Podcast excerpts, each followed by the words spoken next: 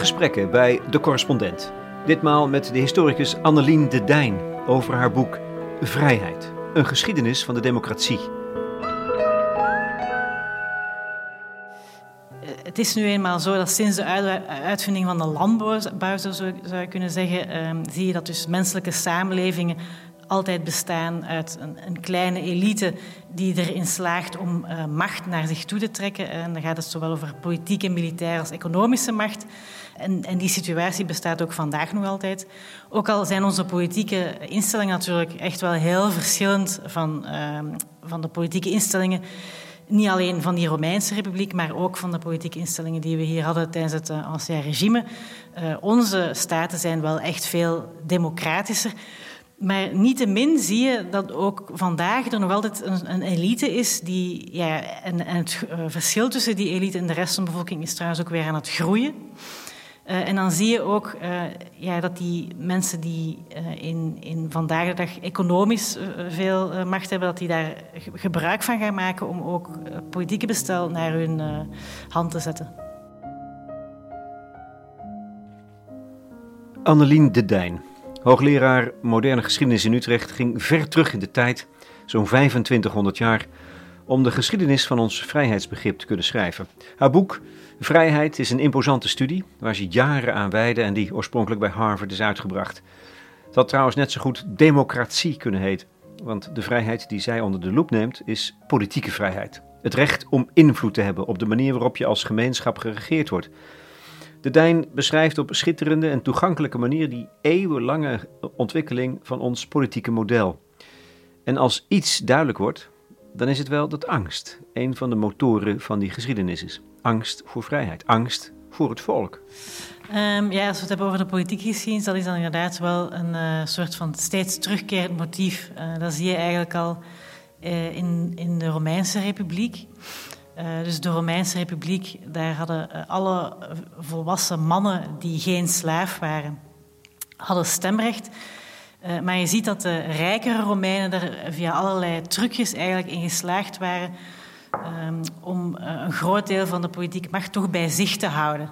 en de geschiedenis van de Romeinse Republiek is bijvoorbeeld, ja, ik kan je echt wel beschrijven als een soort van gevecht tussen de gewone Romeinen, quote unquote, de eh, de plebeiers, zoals zij zichzelf noemden, en de patriciërs eh, over ja, die vraag wie heeft nu eigenlijk de macht in handen. En die, dat soort uh, strijd zie je eigenlijk wel ook in latere perioden steeds terugkomen. Het opmerkelijke is dat zo rond 1800, uh, na de Franse en andere revoluties, er een kentering waar te nemen is. Dan begint zich een heel nieuw vrijheidsbegrip te ontwikkelen dat haak staat op het idee dat eeuwenlang sinds de oude Grieken het ideaal van democratie heeft gefundeerd. Vrijheid tegenover slavernij, zelfbeschikking, politieke zeggenschap, dat je mee mag doen. Jij bemoeit je met de staat. Nee, vanaf dat moment krijgt vrijheid een liberale invulling. Het recht om met rust gelaten te worden, doen wat je wil. De staat bemoeit zich zo min mogelijk met jou. Die kentering is van grote betekenis en werkt door tot op de dag van vandaag, op ons leven van vandaag. Maar laten we beginnen bij het begin. Hoe was het voor Annelien de Dijn, hoogleraar moderne geschiedenis, om zo ver terug te gaan in de tijd? Ja, dat was heerlijk. Uh, want uh, ja, kijk, uh, dingen zijn altijd leuker als je er helemaal niks van weet, want ja. dan kan je alles nog ontdekken. dus het meest plezier heb ik inderdaad wel gehad aan die twee hoofdstukken over de oudheid. Het eerste hoofdstuk over de situatie in het oude Griekenland en dan het tweede hoofdstuk over de Romeinse Republiek en, de, en, het, en het nasleep daarvan. Hmm. En wat is er zo lollig aan niet weten voor jou? Ik vind het gewoon heerlijk. Als ik, ja, je, je hebt wel bepaalde... Iedereen weet wel iets van bijvoorbeeld Julius Caesar, maar dan, door daar dan meer over te lezen... Um, ja, krijg je daar toch een heel ander beeld van, van die man en van zijn rol in bijvoorbeeld de Romeinse geschiedenis. Um, ja, en dan voel je je gewoon slimmer. ja, hij is een mooi voorbeeld, hè, Caesar? Ja, wel, ja, wij kennen natuurlijk uh, allemaal uh, Caesar als de, de, de grote generaal um, uh, en Veni Vidi Vici. en hebben, we steken de Rubicon over. Al die dingen, ik denk ja, dat die bij veel mensen nog wel een belletje doen rinkelen. Maar Caesar, zoals hij in mijn boek voorkomt, de, ja, Caesar als participant in het verhaal over vrijheid ehm, was eigenlijk iemand die een belangrijke rol heeft gespeeld in het omverwerpen van die Romeinse republiek. Um, en wat ik daar heel interessant aan vond, is dat er ook vandaag nog altijd een enorme discussie is over wat wilde die man nu eigenlijk. Dus al ten tijde van de Romeinse Republiek um, uh, waren er vijanden die Caesar beschuldigden van het feit dat hij dus uh, wilde om het republikeinse regime, waarbij gewone Romeinen toch nog iets uh, in de pap te brok hadden om dat omver te werpen en alle macht naar zich persoonlijk uh, toe te trekken. Dus ze beschuldigden hem ervan dat hij een, koning uh, wilde worden. En dat vonden ze, ja, dat was toen een soort van taboe, want als er een Romein één ding niet was, dan was het wel de onderdaan van een koning. Daar beroemden de Romeinen zich echt op. Dus dat was een soort van heel zware beschuldiging naar Caesar toe. Uh, maar natuurlijk ook andere uh, figuren die zeiden nee, wat Caesar eigenlijk gewoon probeert te doen is uh, een stem geven aan, aan de gewone man. Um, en, um, en, en, zijn vijanden, zijn, is, zijn, waar hij tegen vecht, is niet die republiek en de instellingen van die republiek, maar wel de overdreven macht van een klein aristocratisch clubje dat in de Senaat zetelde. Um, dus ook toen had je zo, die, uh, van in het begin had je eigenlijk al dus die twee verhalen over Caesar, de kampioen van het Romeinse plebs enerzijds, of uh, de would-be dictator anderzijds. En je ziet dat die discussie vandaag nog altijd doorloopt. Dus ook dat vind ik interessant dat we er blijkbaar niet over, uh, ja, dat er blijkbaar geen consensus um, kan ontstaan over die vraag wat, wat, wat, voor rol spelen die nu eigenlijk in de Romeinse Republiek. Maar dat kan je toch één op één vergelijken met de illiberale leiders van deze tijd? Ik bedoel, ook Poetin kan zich als kampioen van het volk, van het Russische volk, uh, afficheren. Dat is, dat is toch precies hetzelfde, met diezelfde dubbelzinnigheid? Terwijl wij hem dan eerder geneigd zijn om te beschouwen. En Poetin is maar een voorbeeld, want je hebt er nog een stuk of zes, zeven. Vind je dat niet? Mag, mag je dat zo vergelijken? Um, ja, dat is zeker zo. Dus daar is inderdaad een parallel te trekken. En die parallel wordt ook vaak getrokken. Hè. Dus um, het idee dat uh, democratie, of dat een bedreiging voor de democratie, dat dat de demagoog is, de volksmenner die met de steun van de gewone man uh, erin slaagt om macht naar zich toe te trekken en die dat dan eigenlijk vooral gebruikt ja, om, om zichzelf uh, te verrijken in eerste instantie, maar ook gewoon ja, omwille van de macht zelf. Dat is een verhaal dat in, in, in, Europa eigenlijk um, heel vaak verteld werd uh, bij belangrijke momenten in de geschiedenis van de Europese democratie. Hoe laten we oppassen, uh, laten we poortwachters creëren, want uh, anders krijg je demagogen van het type Julius Caesar, die dus met de steun van, eh, dus de gewone man een soort van dictatuur gaan, gaan creëren. En het is zeker niet zo dat dat gevaar niet bestaat. Je ziet in de geschiedenis een aantal figuren die dat inderdaad gedaan hebben. Uh, eigenlijk vind ik Caesar daarvan niet zo'n goed voorbeeld, want uiteindelijk berustte zijn macht vooral over zijn controle over uh, een deel van het Romeinse leger. Uh, Caesar was in eerste instantie toch iemand die op die manier macht heeft weten te verwerpen. dus hij dong wel naar de steun van het Romeinse plebs door hele dure spelen en zo te gaan organiseren. En, en, hij was daar ook succesvol in, want hij was heel geliefd bij de Romeinse bevolking. Maar dat was eigenlijk niet zijn echte machtsbasis. Maar je ziet wel dat er latere figuren zijn. Uh, ik denk dan vooral aan de Bonapartes, uh, zowel Napoleon I als Napoleon III. Ja, dus Napoleon I, die dan uiteindelijk de Franse Republiek omverwerpt. je ziet dat die heel bewust um, gaan op zoek gaan naar um, legitimatie van onderuit voor hun dictatoriale regimes. Dus het is zeker zo dat dit een, um, uh, ja, iets, iets is dat ook terugkeert in de loop van de geschiedenis. Maar anderzijds, um, en dat is iets wat ik in mijn boek probeer te laten zien, uh, denk ik dat we uh, misschien te veel nadruk leggen op dat gevaar. Op het gevaar van die populistische demagoog. Het fenomeen bestaat wel, maar we zijn er zo bang van geworden dat we een beetje in de, naar, de, naar de andere kant zijn afgegleden. Uh, dus die, die angst voor de demagoog is zo groot geworden dat we die soms ook projecteren op mensen die je in mijn ogen eigenlijk helemaal niet in dat hoekje moet stoppen. Wie dan?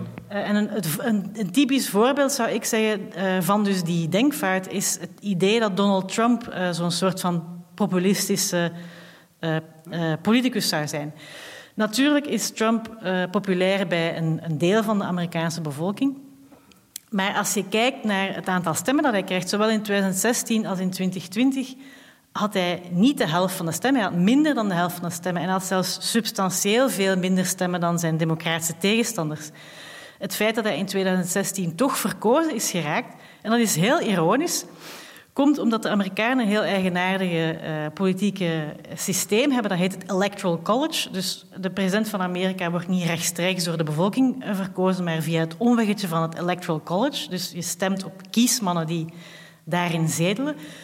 Um, en dat uh, systeem zit zo in elkaar dat, dat, er dat vooral rurale kiezers, um, kiezers uit meer rurale staten, een zwaarder gewicht in de schaal leggen dan puur op basis van het aantal. En dat is de reden ook dat Trump in 2016 um, won, het won van uh, Clinton.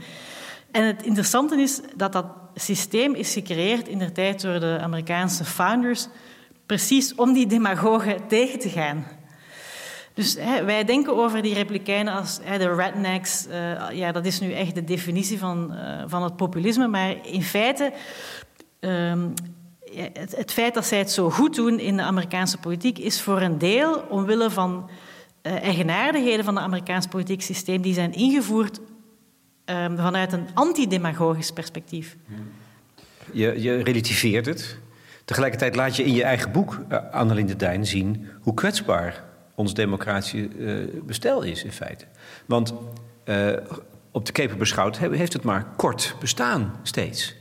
Nou ja, kort. Een eeuw, twee eeuwen. Maar over de hele linie blijkt het ook steeds weer te verdwijnen. Dus dat is toch ook juist een, uh, een krachtige boodschap, zou ik zeggen. Nee, dat is absoluut waar. En dat is een van de belangrijkste lessen die we, denk ik, uit de politieke geschiedenis kunnen trekken. Uh, ondertussen is dat een les die denk ik niet heel veel mensen meer zal verwonderen. Uh, dat was toen ik begon aan dit boek wel uh, nog enigszins anders. Ja. Maar inderdaad, en die, die les is dat democratie een heel fragiel en kwetsbaar politiek systeem is. En dat je in de geschiedenis... Maar dus zelf als we ons puur focussen op de Europese context, dan zie je op een aantal momenten in de geschiedenis regimes ontstaan die misschien niet echt democratisch zijn, maar toch al meer in die richting gaan. in de oudheid, in dus die Griekse context en in de Romeinse Republiek in de middeleeuwen in Italië had je een aantal stadstaten die zichzelf op nou ja, min of meer democratische basis bestuurden. En dan vanaf het einde van de 18e eeuw ook um, het ontstaan van de moderne democratie. Dus, maar je ziet dat die na verloop van tijd inderdaad ten onder gaan, die regimes. Um, en dat heeft met een aantal eh, factoren te maken. Um, uh, ja, voor de uitvinding van de, van de pers en van representatieve regimes uh, was het zo dat je uh, een democratisch regime eigenlijk alleen kon wer werken in een relatief kleine uh, context. want je moest elkaar face-to-face -face kunnen zien. Want de essentie van democratie is natuurlijk dat je dus belangrijke beslissingen met z'n allen neemt en die niet overlaat aan een soort van klein clubje. Wel, um, ja, dat kan je natuurlijk in een context waarin, dat mensen niet, waarin er geen pers uh, is, uh, waarin, er, waarin het heel moeilijk is om met elkaar te communiceren, kan dat eigenlijk alleen als je elkaar face-to-face -face, uh, kunt zien. Um, dus dat zijn een soort van structurele problemen.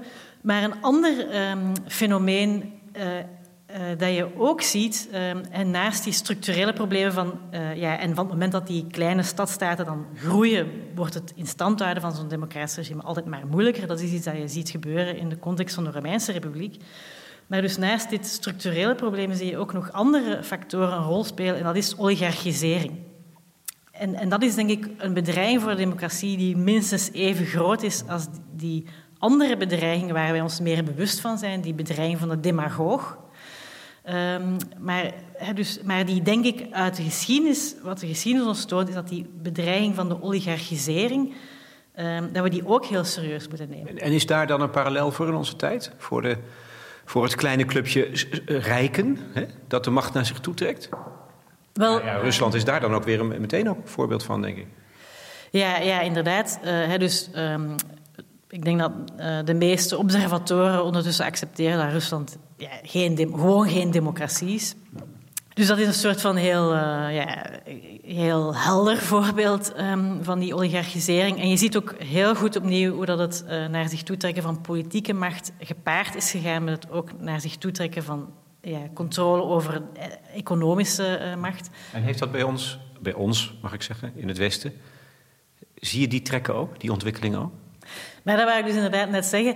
Uh, maar dus het feit dat bij ons het minder beleidend is, en ik wil absoluut niet zeggen dat uh, bijvoorbeeld Nederland in de verste verte ook, maar lijkt helemaal niet op het Rusland van Poetin natuurlijk. Maar tegelijkertijd is het wel zo um, dat je ook in, in de context van, van, van onze West-Europese dan, democratieën en in Amerika, denk ik, is dat zelfs nog een veel meer uitgesproken tendens zie je toch op veel subtielere wijze dat uh, mensen die veel economische macht hebben, die economische macht gaan gebruiken om ook politieke macht naar zich toe te trekken.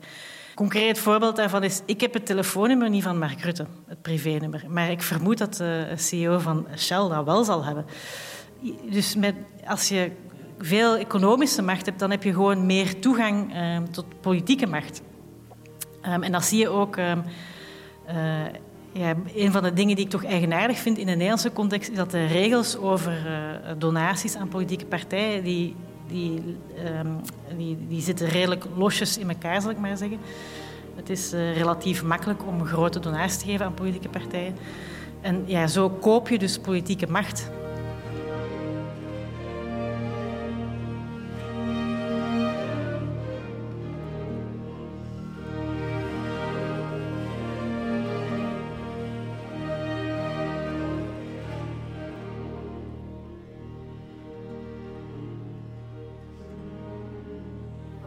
Vandaag, gisteren stond een interview met Ank Bijleveld, minister van Defensie in de NRC Handelsblad. Die, die zegt uh, dat Nederlanders veel te argeloos zijn als het gaat om vrijheid en veiligheid. Maar ja, dat is natuurlijk haar terrein. We beschouwen het als vanzelfsprekend. Ben jij bang? Op, op dit moment maak ik me nog niet zo heel veel zorgen over Nederland. Uh, wel over een aantal andere landen, waaronder de Verenigde Staten. Uh, ja. Daar denk ik is de situatie nu echt helemaal uit de hand aan het lopen. Um, maar ik denk dat het wel zo is. Ik denk dat er een soort van wetmatigheid in de geschiedenis zit. En die wetmatigheid is. Uh, als het verschil tussen rijk en arm te ver uit elkaar loopt, dan gaat dat uiteindelijk je democratie ondermijnen. Uh, dat kan bijna niet anders. Hè. Mensen die, um, die veel economische macht hebben, hè, die, die veel geld hebben gewoon, die kunnen dat geld gebruiken om politieke invloed te kopen. En dat gaan ze altijd doen uh, ja, niet, niet per se op een soort van uh, uh, ja, heel uh, opvallende manier door een politici om te kopen, maar je kan politiek beïnvloeden op heel, heel veel, veel meer subtiele manieren. Um, door geld te steken in lobbygroepen, um, door geld te doneren aan politieke partijen. En, en daar, daar kom je ook al een heel eind mee. En dat is, op, ik denk dat het op dit moment het duidelijkste is in de Verenigde Staten waar dat toe kan leiden. Um, als je aan Amerikanen vraagt, moeten we iets doen aan uh, bijvoorbeeld um, ons sociaal zekerheidsstelsel? Uh, moeten we ervoor zorgen dat, dat de toegang tot de medische zorg ver, verbeterd wordt? En, en, kunnen we daar heel concreet dit bijvoorbeeld voor doen? Dan zie je de Amerikanen daarop antwoorden: ja, we moeten dit allemaal doen. Hè. Grote meerderheden van de Amerikanen vinden dat daar iets aan moet gebeuren, of het nu republikeinen zijn of democraten. En toch gebeuren die dingen nooit. En daar is een heel eenvoudige verklaring voor. Dus de mensen die aan de knoppen van de macht zitten, ja, die worden beïnvloed door de mensen met de economische macht en daardoor gebeurt er uiteindelijk niks.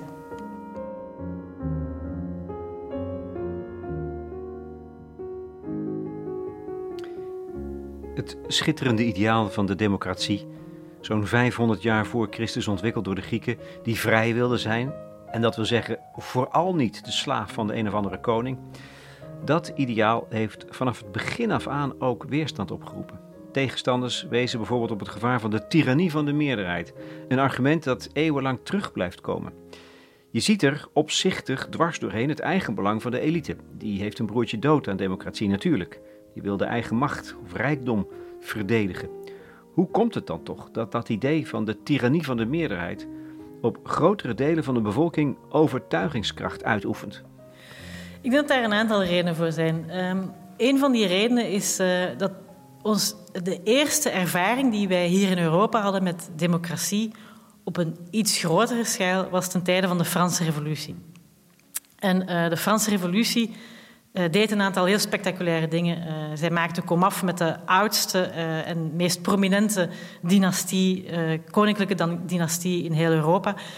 Um, zij um, creëerden een volledig nieuw regime. Uh, ja, alles moest anders gaan. Uh, ze hadden hele mooie idealen. Maar dan uh, zie je dat al heel snel, in 1793 en 1794, um, die revolutie ontaart in iets dat we vandaag, en dat toen ook al werd genoemd, de terreur. en dat heeft een enorme impact gehad op, op de politieke verbeelding van, van veel Europeanen. Uh, en dat heeft, die ervaring heeft ervoor gezorgd dat heel veel mensen uh, die in principe uh, sympathie koesterden voor die idealen van de Franse revolutie, uh, vrijheid in de zin van we moeten onszelf kunnen regeren, gelijkheid en broederschap, dat zij, zich, ehm, ja, dat zij dachten, kijk, die mooie idealen, je ziet wat daarvan terechtkomt. Um, dus die, die historische ervaring met de Franse revolutie en het verhaal over de Franse Revolutie blijft verteld worden doorheen die hele 19e en ook nog doorheen de hele 20e eeuw. Zie maar waar het toe leidt. Democratie, uiteindelijk. Als je het echt doorvoert, is dat een wet? Wat, wat, waarom ging het eigenlijk zo gruwelijk mis? Waarom ont, ont, ontaarde het in terreur? Ja, dat is een heel interessante vraag waar historici al uh, bijna 200 jaar enorme ruzie over maken. Uh, je hebt dus twee scholen. Uh, je hebt één school uh, die vandaag vooral wordt geassocieerd met de naam van een Frans historicus, François Furet. Uh, en die zegt eigenlijk, kijk, dat het een soort van nood, noodwendige ontwikkeling uh, in de Franse revolutie en het feit dat die eindigt in de terreur is een rechtstreeks gevolg van de idealen van directe democratie die, um, waar de revolutie mee begon. Um, maar dan heb je een andere school die beargumenteert, nee, um, daar heeft het eigenlijk niet heel veel mee te maken. Um, uh, we moeten die terreur in de context van die tijd zien. En die terreur is eigenlijk vooral begonnen um, omdat de Franse revolutionairen in een heel precaire situatie zaten. Ze hadden net um, uh, hun koning afgezet. Uh, en alle koningen van omringende landen begonnen zich daar serieus zorgen over te maken. In het begin hadden die zich nog wel in hun handen zitten vrij van haha, onze collega in Frankrijk zit in de problemen. Leuk, want dan kan hij ons land niet binnenvallen. Maar van het moment dat die Franse revolutionairen begonnen te zeggen hé hey, uh, jongens, uh, monarchie is gewoon een afschuwelijk slecht systeem, laten we dit gewoon helemaal afschaffen en misschien moeten jullie uh, Pruisen dat ook doen. Vanaf dat moment begonnen de Europese vorsten te denken misschien moeten we iets gaan doen aan die Franse revolutie en die proberen in te dammen. Dus eh, op een gegeven moment zaten de Franse revolutionairen in oorlog verwikkeld met ongeveer iedereen anders in Europa. Um, en ja, in een oorlogssituatie, dat hebben we in andere contexten ook al gezien, um, kunnen de dingen wel eens uit de hand lopen. Uh, Frankrijk worstelde op dat moment ook met een burgeroorlog. Dus dat een deel van Frankrijk, de Vendée, uh, die wilde eigenlijk niet meedoen met die Franse revolutie. Die wilde gewoon vasthouden aan die traditionele monarchie. Dus die Franse revolutionairen hadden het gevoel dat ze van overal werden aangevallen. Dus die, die terreur kwam voort uit een, uit een angst voor... Uh, uh, ja, ja, voor, voor reële vijanden die de Franse revolutie inderdaad wel echt had. Dus dat is de tweede school. En ik moet zeggen dat ik persoonlijk wel... Um, ja, ik, ik, ik, snap gewoon niet hoe dat iemand als François Furet kan denken wat hij denkt. Want we hebben ondertussen heel veel ervaring met democratische regimes. Um, de Amerikaanse revolutie, um, ja, dat wordt door sommige historici wordt daar anders naar gekeken. Maar ik persoonlijk eh, vind dat je eigenlijk niet kan ontkennen dat hij precies dezelfde doelstelling had als de Franse revolutie. En voor een groot deel eigenlijk ook op een heel gelijkaardige manier is uh, verlopen. En daar had je geen terreur. Um, ja, je hebt ook geen terreur gehad uh, na de democratisering van, um, van de grote democratiseringsgolf van de jaren twintig. Dus um, ja, vanuit het, ons perspectief, het perspectief van 2021, uh, snap ik eigenlijk niet dat je nog kan volhouden dat maar er zijn dus nog altijd mensen die dat dus wel degelijk denken. Mm. dus dat democratisering, um, ja, dat, dat, dat, dat, dat die ideaal van de Franse revolutie, ideaal van zelfbestuur, dat dat zou leiden tot terreur.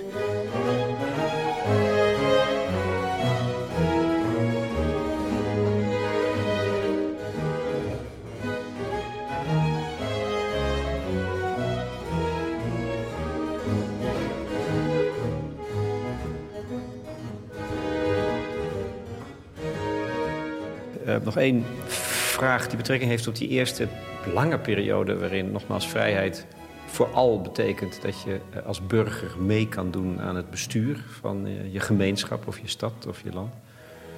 De rol van het christendom.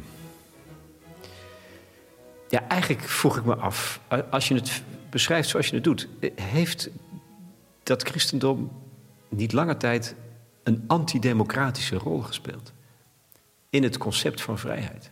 Ja, dat is inderdaad een uh, heel interessante vraag. Nu, het is natuurlijk moeilijk om daar in zijn algemeenheid uitspraak over te doen, want je hebt heel veel verschillende vormen van christendom gehad. En je hebt, je hebt natuurlijk nu nog altijd heel veel verschillende vormen van christendom.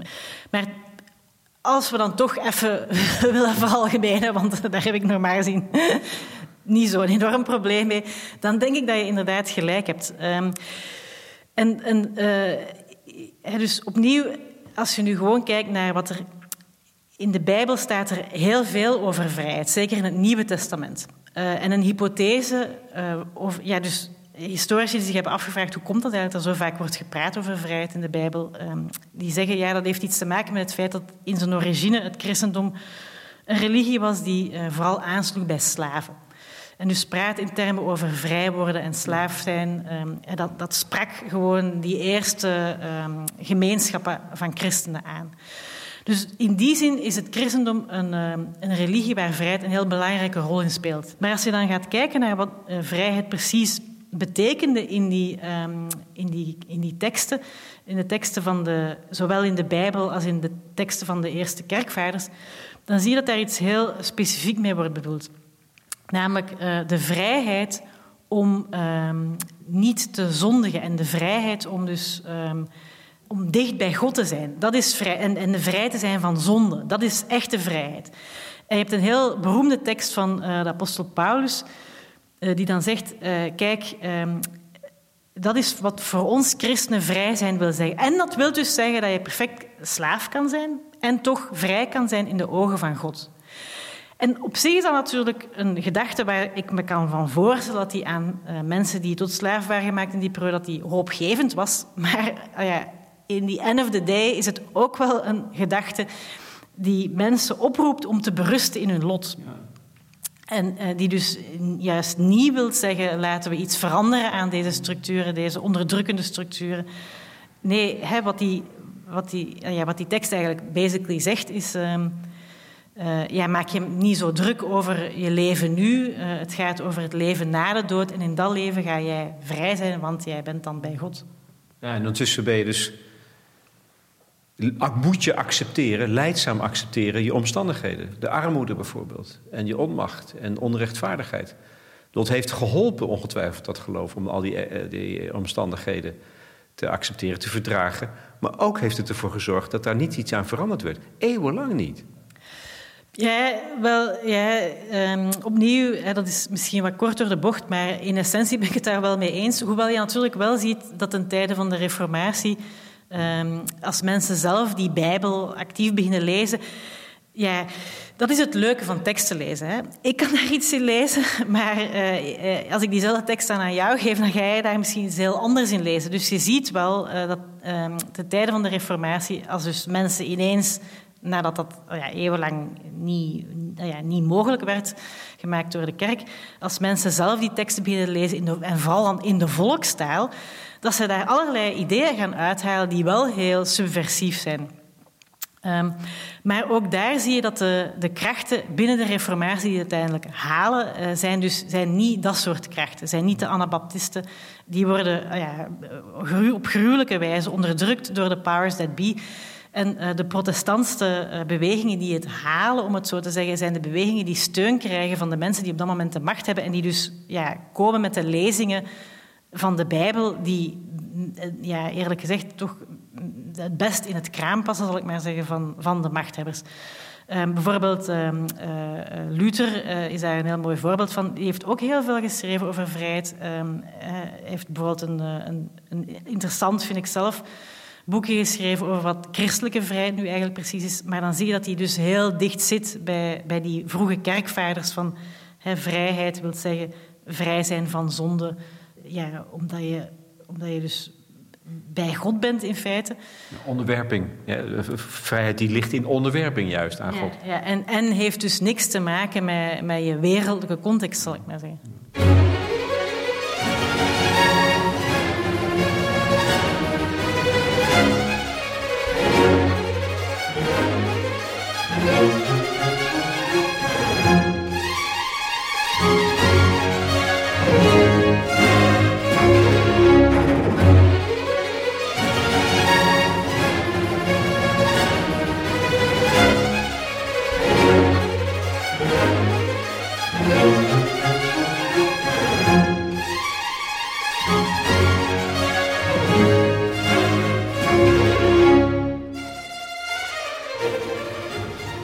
Dichterbij, dichter bij onze tijd.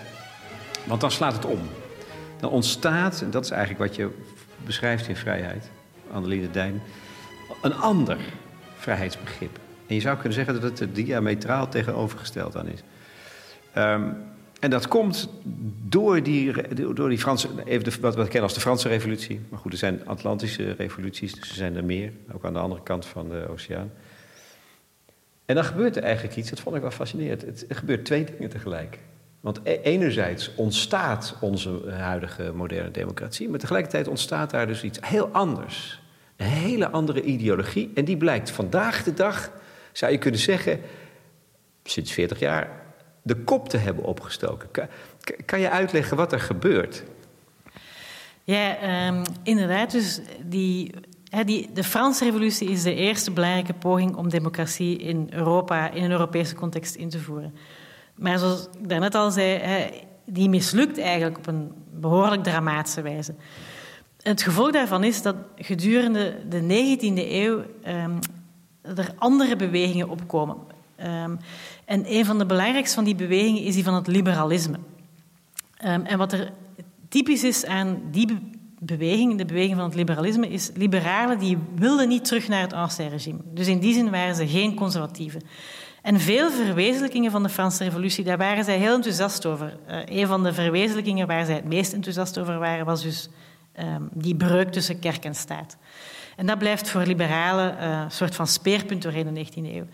Maar anderzijds zie je dat die liberalen een enorme schrik te pakken hebben gekregen van democratie.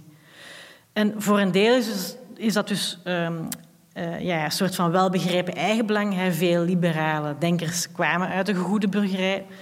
Uh, maar tegelijkertijd is dat ook gewoon um, een oprechte overtuiging voor veel mensen die zij hebben gekregen omwille van die mislukking van de Franse Revolutie. En uh, je ziet dat in landen waar die liberalen aan de macht komen. En dat is niet overal in Europa, want in veel Europese landen heb je in de 19e eeuw nog regimes die eigenlijk hyperreactionair zijn. Dus in die context waren die liberalen eigenlijk nog redelijk progressief. Maar je ziet dat in landen waar die liberalen wel aan de macht komen, en dat zijn dus Frankrijk, België en Nederland, en in, uh, in zekere zin ook in uh, Groot-Brittannië, hoewel ze daar zichzelf eigenlijk lang niet liberaal noemden, maar wel Whigs. In die landen zie je dat zij regimes creëren die wel parlementair zijn, maar die absoluut niet democratisch zijn. Um, dus in Frankrijk, dat is het eerste land waar die liberalen aan de macht komen in 1830, um, uh, na een nieuwe revolutie, zie je dat zij um, de, de Bourbon-koningen die na de Franse revolutie waren teruggekeerd, weer buiten bonjouren. Uh, ze stellen een nieuwe koning aan die zichzelf omschrijft als de bourgeois, de koning, de burgerkoning, uh, Louis-Philippe. Um, en ze creëren een, uh, een, parlement, maar slechts minder dan 2% van de volwassen uh, mannelijke bevolking had stemrecht.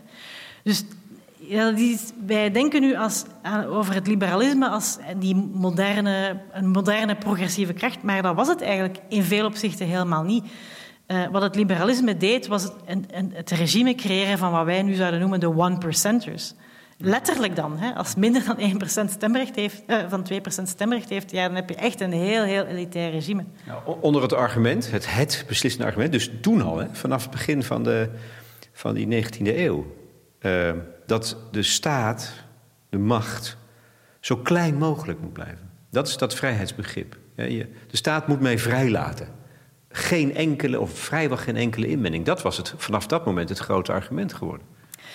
Ja, dus wat die liberalen eigenlijk gaan zeggen is, kijk, Ehm, wij zijn de echte voorstanders van de vrijheid. Maar daarmee bedoelen wij iets totaal anders dan die uh, dolgedraaide Franse Jacobijnen. Als wij het hebben over vrijheid, dan bedoelen wij de vrijheid om te doen en te laten wat je wil, zonder staatsinmenging. En dan moet je dat vooral lezen als zonder de inmenging van, uh, van, van gewone burgers, van arme mensen, van mensen die misschien wel eens bezit zouden willen gaan herverdelen. Want dat is dus, daar heb ik het nu nog niet over, daar heb ik net, daar net niet over gehad, maar dat was dus ook een grote angst van die, um, van die erfgenamen van de Franse revolutie, die 19e-eeuwse uh, liberalen de Franse revolutie had niet alleen Frankrijk gedemocratiseerd. Tijdens de meest radicale fase hadden die Jacobijnen ook een, een grootscheeps programma opgezet om bezit te gaan herverdelen. En dus het, uh, het leven voor, uh, voor arme Fransen eerlijker en verder te maken dan tot dan toe altijd het geval was geweest. Uh, tijdens de Franse revolutie zie je dat de Jacobijnen bijvoorbeeld um, voor de eerste keer in de geschiedenis iets proberen in te voeren dat wij nu kennen als progressieve belastingen. En dat was ook een van de redenen. Het is niet alleen die terreur, maar ook die herverdeling. In de praktijk is daar nu wel allemaal niet zo heel veel van terechtgekomen, want die Jacobijnen zijn daarvoor te kort aan de macht geweest. Maar dat idee, hè, uh, of die, die, die wetgeving, hoe weinig impact die had op de realiteit, uh, creëerde een enorme angstsfeer bij de bezittende klasse. Dat er een einde zou komen aan hun, uh, ja, aan hun aan hun rijkdom. Ja. Mag je dan concluderen? Mag je dat een antidemocratische kracht noemen? Wel, um, ja, ik denk dat je dat zeker mag doen, want het, was, het is ook bewust en expliciet zo um, bedacht. Uh, dus het idee, het idee dat vrij zijn niet wil zeggen, uh, je hebt stemrecht, je mag meebeslissen met de wetten uh, waaronder je moet leven, maar dat het, dat, dat enkel en al wil zeggen, uh, dus in de privésfeer mag je zoveel als mogelijk doen en laten wat je wil. Dat idee is expliciet geïntroduceerd um, als alternatief voor dat democratisch idee. En om een, een ideologische legitimatie te geven aan die nieuwe liberale staten die dus alles behalve democratisch waren. Dus daar zat een heel expliciete antidemocratische agenda achter. Maar werkt die dan door tot op de dag van vandaag? Vind je dus, want dat, dan, dan wordt het loei spannend, vind ik. Dus dat je uiteindelijk de erfenis van, van waaruit Rutte voortkomt, is antidemocratie. -hmm. Ja, ik, ik denk dat je dat inderdaad wel zo kan, uh, kan zeggen. Um, in, um, Kijk, ik, ik vind opnieuw in de Nederlandse eh, context um, is het misschien moeilijker om, daar, eh, om echt een smoking gun te vinden daarvoor. In de Amerikaanse context vandaag is dat wel echt heel duidelijk. Um, dus uh, dat weet je misschien, de Republikeinen zijn op dit moment bezig met een poging om dus het stemrecht van een grote aantal Amerikanen af te nemen eigenlijk. En je ziet dan dat de mensen die daar Kijk, voor een deel is dat natuurlijk ingegeven door puur electoraal eigenbelang, want ze weten dat ze, niet meer, dat ze het niet meer kunnen halen. Um, gewoon op basis van hun programma krijgen ze niet voldoende mensen achter zich. Maar je ziet, als ze dit ideologisch willen legitimeren, dan gaan ze inderdaad schermen met begrippen zoals vrijheid. Um, en, en ik vind in zekere zin ook um, dat dat in Nederland uh, ook kan gezegd worden. Bijvoorbeeld als mensen die dus tegen die coronamaatregelen zijn, als zij beginnen te roepen, hier wordt iets heel erg gedaan, namelijk mijn vrijheid wordt ingeperkt, dan gebruiken zij dat begrip dus als wapen tegen uh, maatregelen die een, een, brede democratische basis hebben en die dus een, een, wel, wel, ja, dus, en met andere woorden, zij gebruiken dat begrip als wapen om um, maatregelen die, ja, waarvan de meeste Nederlanders het nut van snappen, om die tegen te houden. En dat is natuurlijk uh, antidemocratisch. Ja, kijk, Rutte zal zich niet, en, en andere liberalen en andere vertegenwoordigers van, het politieke, van de politieke elite, zullen zich niet gauw uh, antidemocraat noemen. Dat kunnen ze niet maken. Maar ik denk dat het slimmer functioneert. En dat heeft me, jouw boek heeft me wel helpen begrijpen hoe dat dan werkt. Vanuit die liberale doctrine is de macht bij de bedrijven komen te liggen. Geen inmenging van de staat, het gaat naar de bedrijven. Maar als het nou iets antidemocratisch is, dan is dat het moderne bedrijfsleven wel. Want dan ben je terug bijna bij af bij de slavernij, zou ik bijna willen zeggen. Ja, um, wel... Uh, je, je... Ik weet niet of dat jouw terrein is, of ik dat aan jou moet vragen als historica. Maar goed, hier wordt het wel spannend, vind ik. Uh, nee, dus... kijk, je ziet wel de liberale beweging als historisch fenomeen verzoent zich op een gegeven moment met de democratie. Maar tegelijkertijd zie je dat zij blijven uh, ergens vasthouden aan dat idee dat er iets problematisch is met democratische meerderheden en dat de macht daarvan aan banden moet gelegd worden. En uh, dat wordt opnieuw vooral gelegitimeerd met een verwijzing naar we moeten minderheidsgroepen beschermen.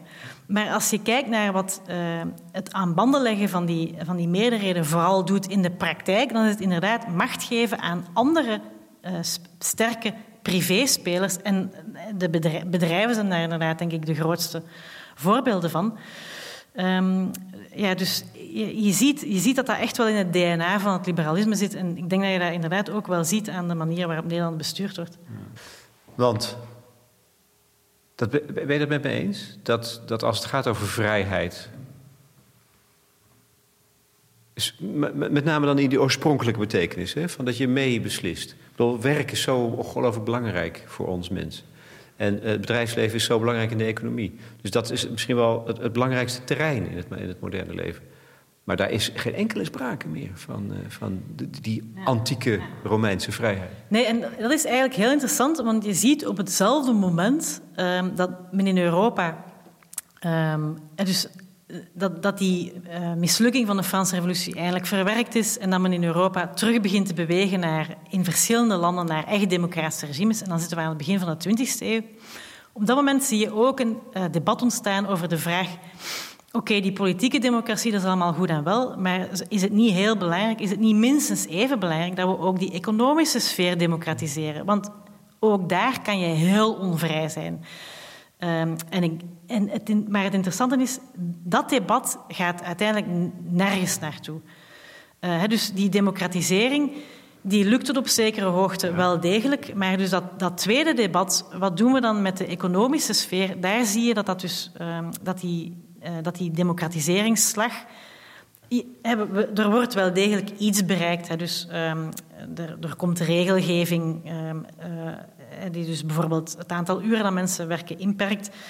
Um, vak, het wordt mogelijk gemaakt voor mensen om zich te verenigen in vakbonden. Dat was in de 19e eeuw ook in veel landen gewoon verboden. Uh, er komen dingen zoals CAO-onderhandelingen. Maar um, als je denkers leest van die periode, um, dus de erfgamen van Karl Marx bijvoorbeeld, maar ook uh, denkers die meer aan de, zal ik maar zeggen, ja, in de, in de niet-communistische, maar wel nog progressief linkse hoek zaten dan zie je dat zij veel verdergaande uh, ja, ideeën hadden. Uh, dus dat bedrijven echt op democratische wijze zouden gerund worden of dat we zouden overschakelen naar wat men noemde een coöperatieve maatschappij. Uh, waar, waar je dus geen uh, bazen meer hebt, maar waar alle, ja, alle ja, bedrijven eh, kan je dan eigenlijk bijna niet meer noemen, maar hè, dus waar alle dingen gemaakt worden in, op coöperatieve wijze. En je ziet dat dat soort, um, uh, dat soort inspanningen eigenlijk veel minder resultaten boekt dan, um, ja. dan die inspanningen om, om, om onze politieke instellingen te democratiseren. Ja, ja. En, en, en daarmee komt via het neoliberalisme uh, komt die, die andere ideologie eigenlijk des te sterker terug. Mm -hmm. En eigenlijk is mijn belangrijkste vraag op grond van jouw studie: is dat niet in feite. Is dat niet waardoor onze democratie van binnenuit wordt uitgehold? Hè? Dus voor het oog hebben we nog verkiezingen. En we zijn allemaal nog hartstikke democratisch bezig. Dit is toch werkelijk wat ons democratisch bestel uitholt, waar we het nu over hebben? Um, ja, hoewel ik denk dat we toch ook niet uh, mogen vergeten um, dat, die, dat die politieke sfeer dat daar ook nog van alles aan het gebeuren is. En dat we ons ook daar blijvend zorgen over moeten maken. Zeker. Maar het is, maar, het is niet meer een sterke ja, kracht. Ja, ja. Nee, ja, daar ben ik het absoluut mee eens. Um, nu, ik moet zeggen, ik vind dat dus een heel moeilijke vraag. Hoe los je zoiets op zonder dat je dus inderdaad uh, terechtkomt uh, bij het communistische regime, waarvan iedereen het er ondertussen ook wel over eens is dat dat dus niet uh, het juiste alternatief is. Maar als je dus niet zo ver wilt gaan als het afschaffen van privébezit altogether. Um, ja, hoe, hoe, kunnen we er dan wel voor zorgen dat, dus onze, dat die economische sfeer dat, dat die gedemocratiseerd wordt? Ik vind dat dus een heel uh, moeilijke vraag. Sommige van mijn collega's, ik heb collega's die heel enthousiast worden over dus dat coöperatie-idee. Maar wat ik daar um, uh, moeilijk aan vind, eh, dat gaat geen komaf maken met de ongelijkheid in onze maatschappij. Want je ziet nu dat er bedrijven zijn met heel weinig uh, werknemers, uh, de grote techbedrijven, die gigantisch veel winst maken en die die, die die eigenlijk ook wel, oh ja, niet eerlijk, maar die die toch wel een beetje verdelen onder hun werknemers. Je kan heel erg rijk worden als je werkt voor Google of voor Facebook. Ja, dus dat, dat is eigenlijk ja, die, bedrijven zijn absoluut geen coöperaties, maar doen, hè, dus door aandelen en opties te geven aan hun werknemers, doen zij wel iets dat daarop lijkt. Maar je ziet dat dat het verschil niet oplost tussen. Ja, dan, ja, dan zie je dat er dus een aantal mensen zijn die toevallig het geluk hebben dat ze voor die heel erg rijke bedrijven gaan werken. Dus ik denk dat, je daar, ik denk dat we toch echt meer moeten gaan kijken naar oplossingen in de centrale politieke sfeer dan wel uh, laten we proberen om die bedrijven ja, te veranderen in coöperaties.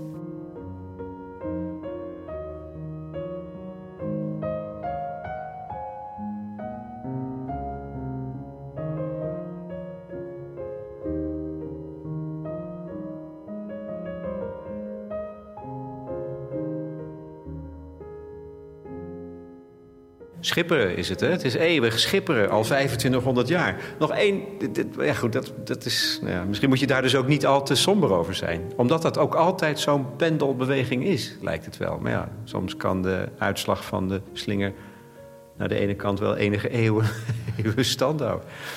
Uh, David van Rijbroek heeft in zijn uh, pamflet, zou je het kunnen noemen, uh, tegen verkiezingen gepleit voor het invoeren van lotingen. Zoals in het antieke bestel het geval is. Ik weet niet of je het kent, of je dat gelezen hebt. Vind je dat een goed idee? Um, ik denk dat dat een goed idee is voor bepaalde uh, politieke kwesties. Uh, zeker als het gaat over uh, um, de constitutionele discussies. Ja. Um, dus laten we even nadenken over de spelregels van onze democratie. Dat soort vragen, denk ik, zijn heel interessant om voor te leggen aan, aan die burgerpanels aan geloten burgerpanels. Uh, waarom? Dat zijn vragen die uh, eigenlijk uh, vaak heel filosofisch van aard zijn en die iedereen aanbelangen en waarin iedereen in principe evenveel, evenveel, ja, evenveel kennis over zou moeten hebben. Um, dus vragen zoals bijvoorbeeld. Uh, ja, willen we wel of niet referenda? Moeten die referenda dan bindend zijn of niet? Kijk, dat mag je niet overlaten aan verkozen politici, want die hebben een soort van vested interest om bepaalde antwoorden te geven op die vragen. Dus dat soort vragen, denk ik, hoort echt thuis bij die burgerpanels. Uh, en ook andere uh, heel complexe vragen. Um, daar denk ik dat de input van burgerpanels heel erg interessant zou kunnen zijn. Uh, ik denk dan bijvoorbeeld aan vragen zoals over het klimaatvraagstuk. Maar anderzijds denk ik, we moeten die representatieve democratie ook niet te snel gewoon afschrijven. Uh, in het begin van de 20e eeuw en in de jaren, uh, uh, ja, late jaren 40 en 50 heeft, hebben die democratieën laten zien dat ze wel degelijk radicale veranderingen kunnen teweegbrengen. Dus ik, ja, ik denk dat we het debat over hoe willen we onze democratie vormgeven, dat, dat moeten blijven aangaan. Maar ik denk dat er um, een, een ander en belangrijker debat is, en dat is het debat waar jij net naar verwees. Um, we moeten terug naar een centrale rol van de politiek, of dan nu verkozen politici zijn of burgerraden. Dat doet er dan eigenlijk voor mij zelfs niet toe. Waar het vooral over gaat, is dat we terug uh, moeten werken aan een verhaal over.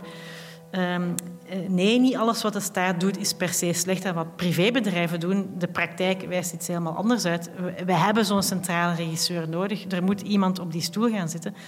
Um, en dat we dus dat neoliberale verhaal, dat we daar ja, afstand van nemen.